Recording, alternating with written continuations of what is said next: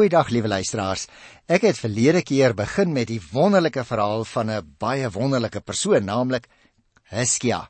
En hoe dat hy op die Here vertrou het en die Assiriese aanval op Jerusalem, die hoofstad van Juda, die Suidryk, uiteindelik afgeslaan is. En die belangrike rol wat die profeet Jesaja ook daarin gespeel het om vir Jesaja en vir sy mense te sê, vertrou net op die Here. Ek wil dan nou net hierdie program vandag begin met die siekte en die herstel van hierdie merkwaardige man Hiskia.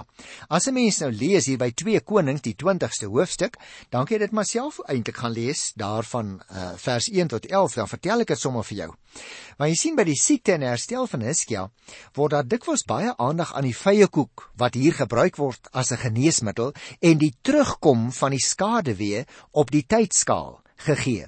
Nou al die sake luisteraar moet uh, natuurlik binne die doel van die vertelling verstaan word. Vye koeke en rosientjie koeke is destyds dikwels gebruik vir die genesing van sere en gewonde. En dit is juis waarom Hiskia vir 'n verdere teken gevra het, want die middel was nie buitengewoon nie en het nog twyfel gelaat. Jy sien die simboliek of die teken, noem dit wat jy wil, van die skaduwee wat verander wanneer mense gekyk het na die sonwyser waarin die tyd bepaal is van die dag deur die skaduwee uh se posisie te bepaal op die sonwyser. Dit roep baie vrae op, juis omdat dit veronderstel dat die aarde vir 'n kort rukkie in die teenoorgestelde rigting moes gedraai het. Iets wat volgens ons kennis van die natuur natuurlik katastrofale gevolge inhou as dit sou gebeur. Die besonderhede in die Bybel luisteraars is egter vaag en plek plek is dit selfs onduidelik. Byvoorbeeld, wat word presies bedoel met die trappe soos ons dit hier lees, sodat ons eintlik baie baie min wetenskaplike gevolgtrekkings hieruit kan of behoort te maak. Dit gaan egter om 'n teken wat God se almag beklemtoon en nie presies hoe dit plaasvind het nie. Ons hoef nie ons koppe daaroor te breek nie. Die vertelling luisteraars bou die temas van gebed en dis van vertroue en God se almag nog verder uit. Gebed het effek. Dis die bedoeling van die verhaal. Nie net wanneer dit om groot menslike rampe gaan nie, maar ook wanneer persoonlike onheil en spanninge die mens begin tref. Die Here sien vir jou en vir my as sy kinders in ons nood aan. Hy het medelee. Hy selfs verdrietig oor ons lyding en daarom genees die Here vir Hiskia. Nie so seer op grond van sy vroomheid waarvan ons in Hosea 20 vers 3 gelees het nie, maar op grond van God se medelee. En dis 'n baie belangrike perspektief wat ons moet raak sien.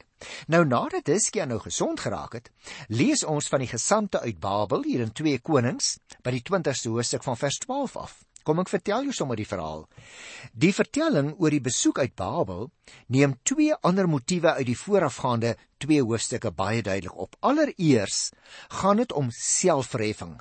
Jy sien luisteraar, verwaandheid is 'n dwaasheid wat ook by die vroonste mens sy kop kan uitsteek, maar steeds hou dit wrange gevolge in. Tweedens moet jy opmerk, is die vertelling 'n korrektief op die belofte dat die Here die stad sal beskerm hierdie beskerming is nie outomaties en sonder voorwaarde nie. So kan God nie gebind word nie. Jy sien ons moet nooit die Here in 'n blik probeer druk nie luisteraar. Hy bly nie net alwetend nie, maar ook vrymagtig en almagtig in sy handelinge. Tog, tog die volk gemeen, God moet die stad beskerm en het ook so daarvan gesing. Tog was dit nodig dat die tempel eers verwoes moes word, alvorens Israel besef het dat God nie so deur 'n mens gemanipuleer kan word nie. En daarom moet ons miskien net onthou, liewe luisteraars, as ons nou lees hier van die siekte en dood van Hiskia in die laaste paar verse in 2 Konings by die 20ste hoofstuk. Hiskia het ook baie belangrike ander dinge gedoen. Een van die belangrikste bouprojekte was die grawe van die Siloam-tonnel. Ek gaan nou nog vir jou so ietsie daarvan vertel. En die dood van Hiskia waarvan ons nou hier lees, lui eintlik 'n laagtepunt in in die geskiedenis van Juda. Die slotformule vermeld die dam en die kanaal wat hy gebou het om die water in die stad in te bring. Hiskia luisteraars het naamlik 'n kanaal gebou wat deur die water van die Gionfontein wat buite die kant die stad geleë was, deur 'n tonnel wat nou bekend geraak het in die geskiedenis as die Siloam tonnel tot by die Siloam dam wat binne in die stad was dat die water tot daar kon vloei. Dit was 'n ingenieursprestasie sonder weergaan daardie tyd en dit het verseker dat watergebrek nie tydens 'n beleg sou voorkom nie. Na die voltooiing van die tonnel het kappers 'n inskripsie op die muur van die tonnel aangebring en daarom wil ek gou-gou vir jou so ietsie oor die Siloam tonnel vertel want dit is 'n baie bekende item wat opgegrawe is.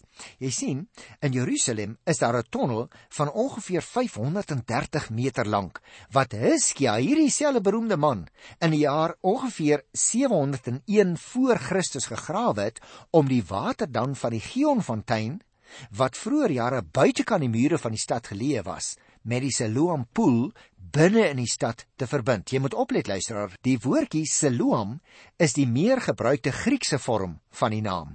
Die Hebreëse woord word eintlik as Siloach met 'n G geskrywe. Kom ek vertel jou, in 1880 het 'n seun wat in die Siloam poel geswem het, 'n inskripsie in die tonnel ontdek. Dit was 'n ou Hebreëse skrywe en dit het die verhaal van die grawe van die tonnel vertel. En daar volgens het twee spanne werkers van weerskante af begin grawe. Nie in 'n reg reguit lyn nie, want onthou, hulle het nie die moderne apparaat gehad om as dit ware deur 'n rots te kan kyk nie. Maar met kronkels het hulle die die tonnel gegrawe. En toe ongeveer 1 en 'n half meter van mekaar, van die een groep grawe van hierdie kant af en die ander groep van daai kant af, en toe hulle so 1 en 'n half meter van mekaar was, en op die punt om by mekaar verby te gaan, hoor hulle mekaar want die inskripsie sê want daar was 'n bars aan die regterkant albei die spanne het die deel van die tonnel waarin hulle gewerk het na mekaar toe laat draai. En so het hulle uiteindelik van weerskante af nou by mekaar uitgekom. Die gereedskap wat hulle gebruik het was natuurlik hamers en bytels en pikke.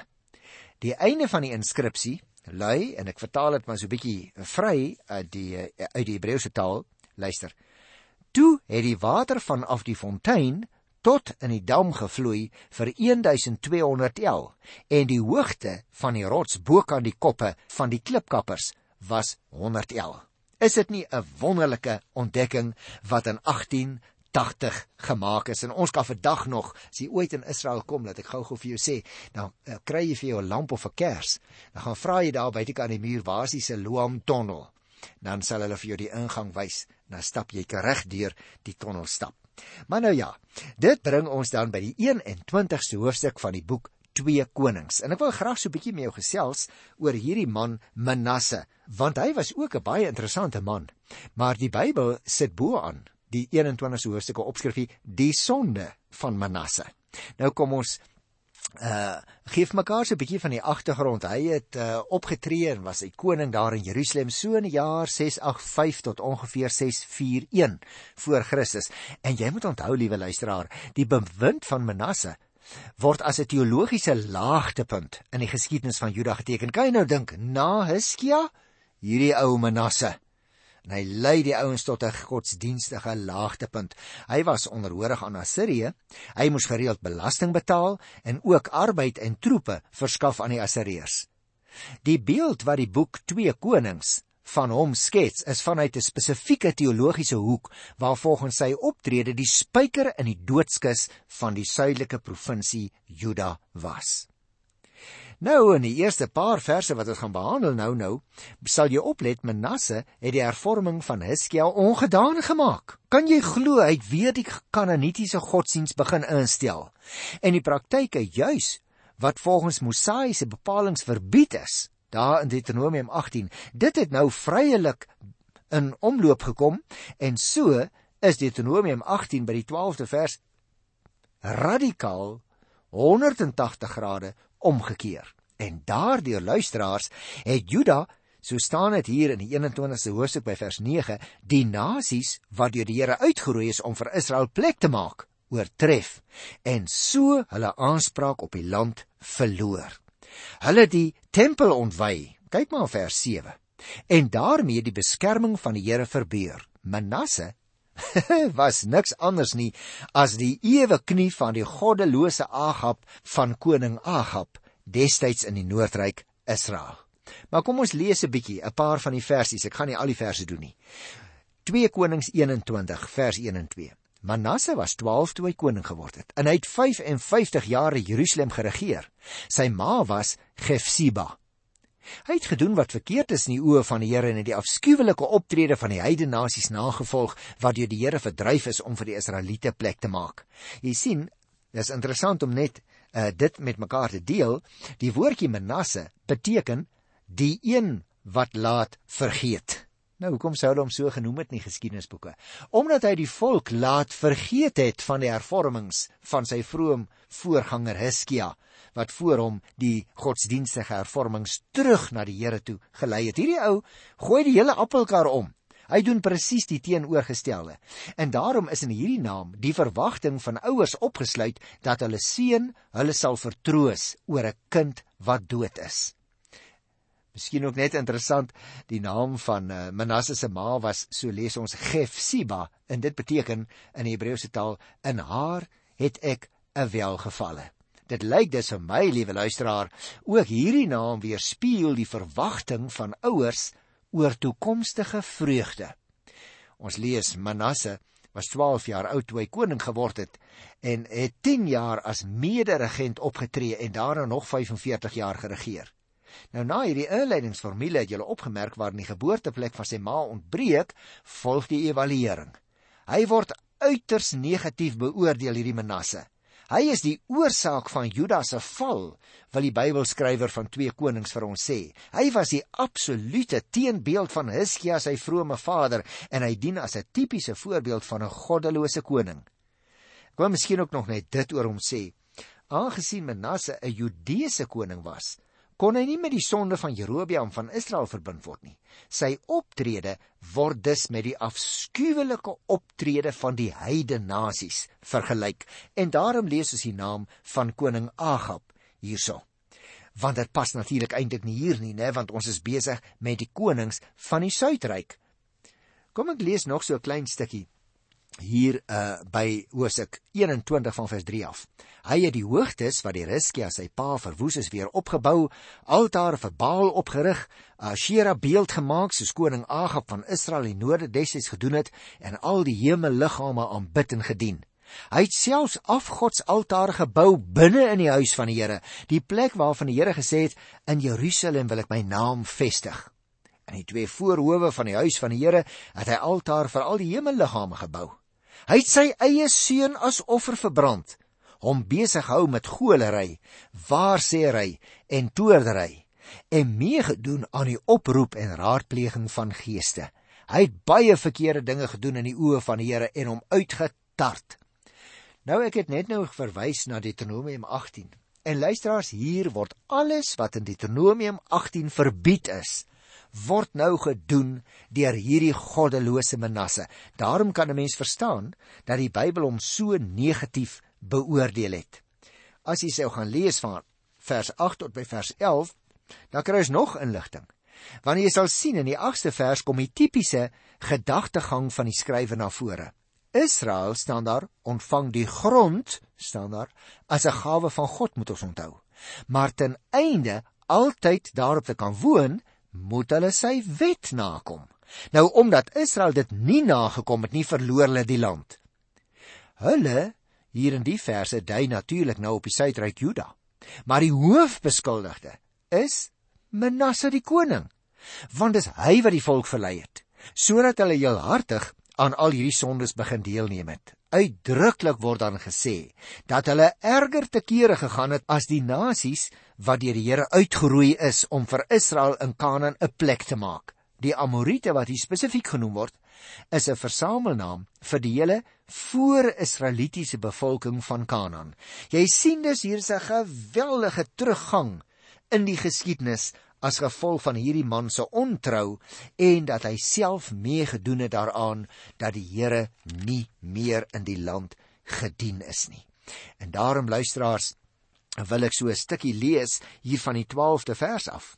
Maar jy sien hierso tot by die 16de vers kry ons eintlik nou die profetiese aanklag wat teen die koning en die ontrou van die mense ingebring word. Luister 'n bietjie daarna, ek begin lees hier by vers 12. Daarom, so sê die Here, die God van Israel, ek gaan nou rampe bring oor Jerusalem en Juda, wat elkeen wat daarvan hoor se twee ore sal laat uit. Ek gaan Jerusalem met dieselfde maat meet as die waarmee ek Samaria en die koningshuis van Agab gemeet het. Ek gaan Jerusalem skoon vee soos 'n mens 'n skottel skoon vee en dan omkeer. Wat oor is van die volk wat aan my behoort, gaan ek verwerp en hulle oorgee in die mag van hulle vyande. Hulle sal deur al hulle vyande geplunder en uitgeroei word. Dit sal gebeur omdat hulle gedoen het wat verkeerd is in my oë en my uitgetart het van die dag af dat hulle voorvaders uit Egipte getrek het tot vandag toe. Jy sien liewe luisteraars, geweldige skerp oordeel wat hier oor hierdie klomp mense in Jerusalem uitgespreek word. Hulle word herinner aan die noordryk se sonde en hoe dat hulle vernietig is toe hulle weggevoer is deur die Assiriërs en nou word dit ook gesê vir die suidryk. Met ander woorde, die profetiese aanklag teen Manasse word 'n oordeelsuitspraak sodat Jerusalem skoon gevee kan word van die afgoderry en al die verderflike praktyke waarmee hulle besig hou. Manasse het gedoen soos Agab. Juda het die voorbeeld van Israel in die noorde destyds gevolg en daarom sal dieselfde lot van Samaria van destyds hulle hier in Jerusalem nou ook tref. Nou hierdie uitspraak luisteraars het natuurlik 'n baie belangrike boodskap vir die latere ballinge ingehou.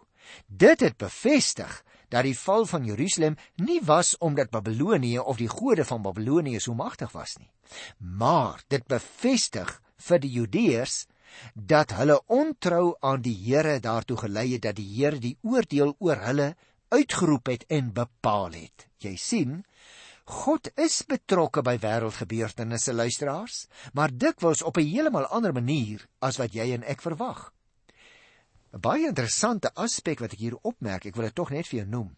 Want jy sien, tipies van die profetiese literatuur is die gerigsaankondiging hier vooraf gegaan deur 'n beskrywing van al hulle sondes. Met ander woorde, hier word 'n baie direkte lyn getrek tussen die sondes van die Judeërs en die ramp van die ballingskap wat hulle uiteindelik gaan tref. Dit word spesifiek gesê. Rampe gaan Jerusalem en Juda nou tref sodat die mense, luister, se ore daarvan sal tuit staan daar. Jerusalem.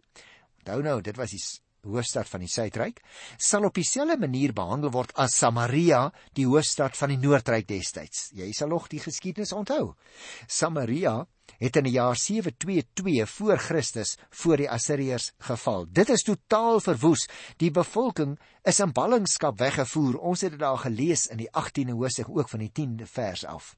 Nooit is weer van hulle verneem nie. Ek het toe ook vir jou vertel, die noordryk is van die gesig van die aarde af weggevee.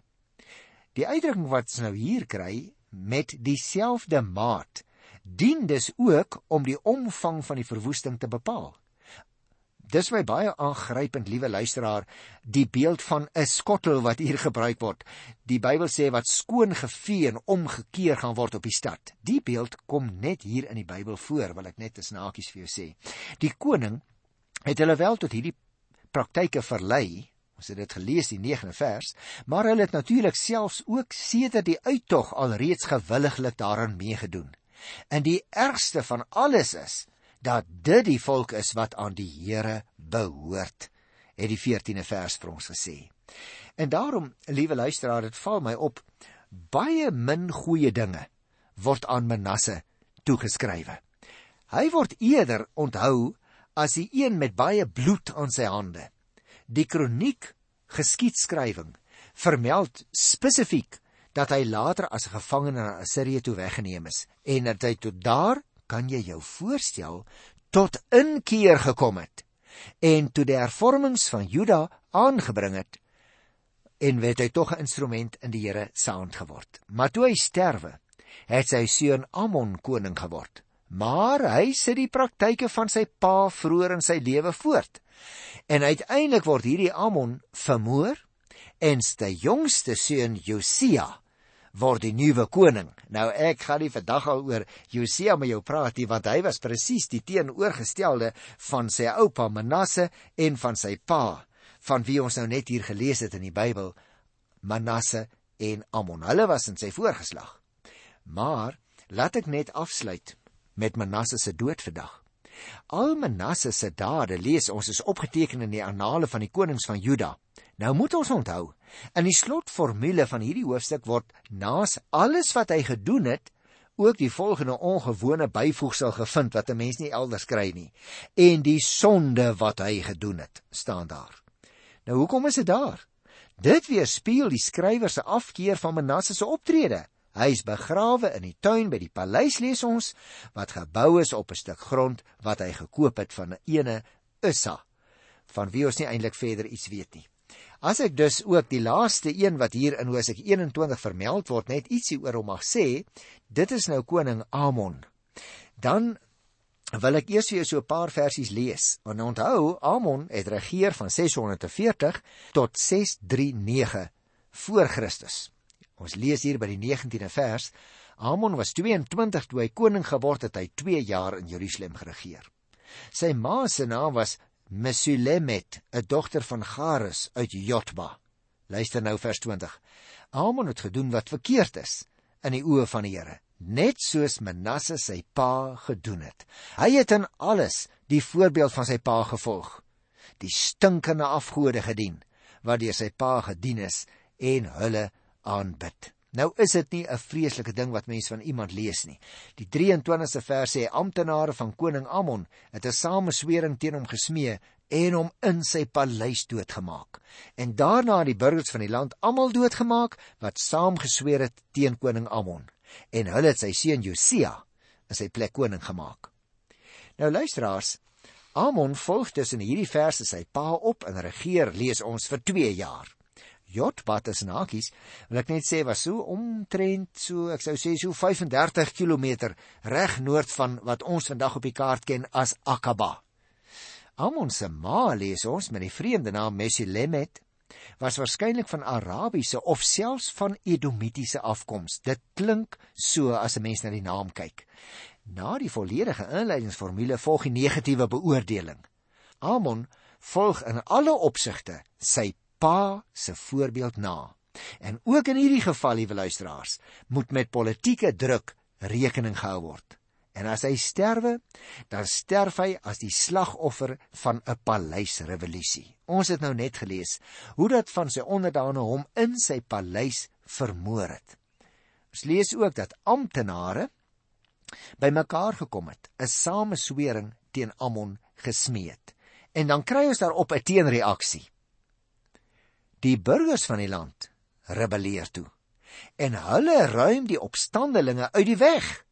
En toe lees ons in 'n baie kort sinnetjie daar, hulle het 'n man met die naam van Josia koning gemaak in die plek van hulle vermoorde koning Amon.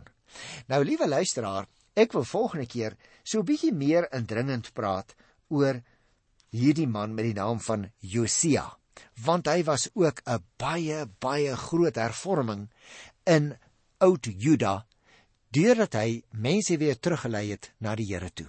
So ons het wat ons gelees het van 'n uh, Manasse wat so goddeloos was na Hizkia se regering, dan die kort regering van Manasse en Amon en dan volgende keer so die Here wil, gaan ek met jou gesels oor Josia. Nou kan jy natuurlik die vraag vra nou maar Brian, hoe is dit dan nou? Is dit waar die algemene uitdrukking wat mense sê, ag, vandag is 'n mens in jou land bo Môre is 'n mens saam met die res van jou land weer onder. Is dit nou maar so? Nou hierdie gedeeltes uit die Ou Testament trek vir ons 'n direkte lyn. Met ander woorde, as die koning en die onderdane die Here dien, dan gaan dit goed met daardie land. As hulle die Here nie dien nie, dan word hulle mettertyd ondergeploeg. En die Here het sy tyd en sy manier. Nou wil ek vir jou vra, jy moet tog so 'n bietjie gaan stil sit. Dan dink jy aan die omstandighede rondom jou, die omstandighede in die land en die tyd waarin ons woon. Nie net in ons land nie, hoor, maar ook in die wêreld. En dan vra jouself af, wat is aan dit gebeure? Wat wil die Here dalk vir ons leer? Deur dit wat in die wêreld gebeur, dat die Here ook toelaat dat mense so ver van hom kan afdwaal dat byvoorbeeld aborsies in ons tyd so aan die orde van die dag is. Dink jy die Here vind dit in orde? Want jy sien, daar is geen Bybelse gronde op grond waarvan ons kan sê dit is geoorloof nie. Want die Here sê dan duidelik in die 10 gebooie, 'n mens mag nie lewe neem nie. Jy mag nie iemand anders se lewe neem nie, mag ook jou eie lewe neem nie, dit bly sonde. Nou maar hoekom gryp die Here nie in nie?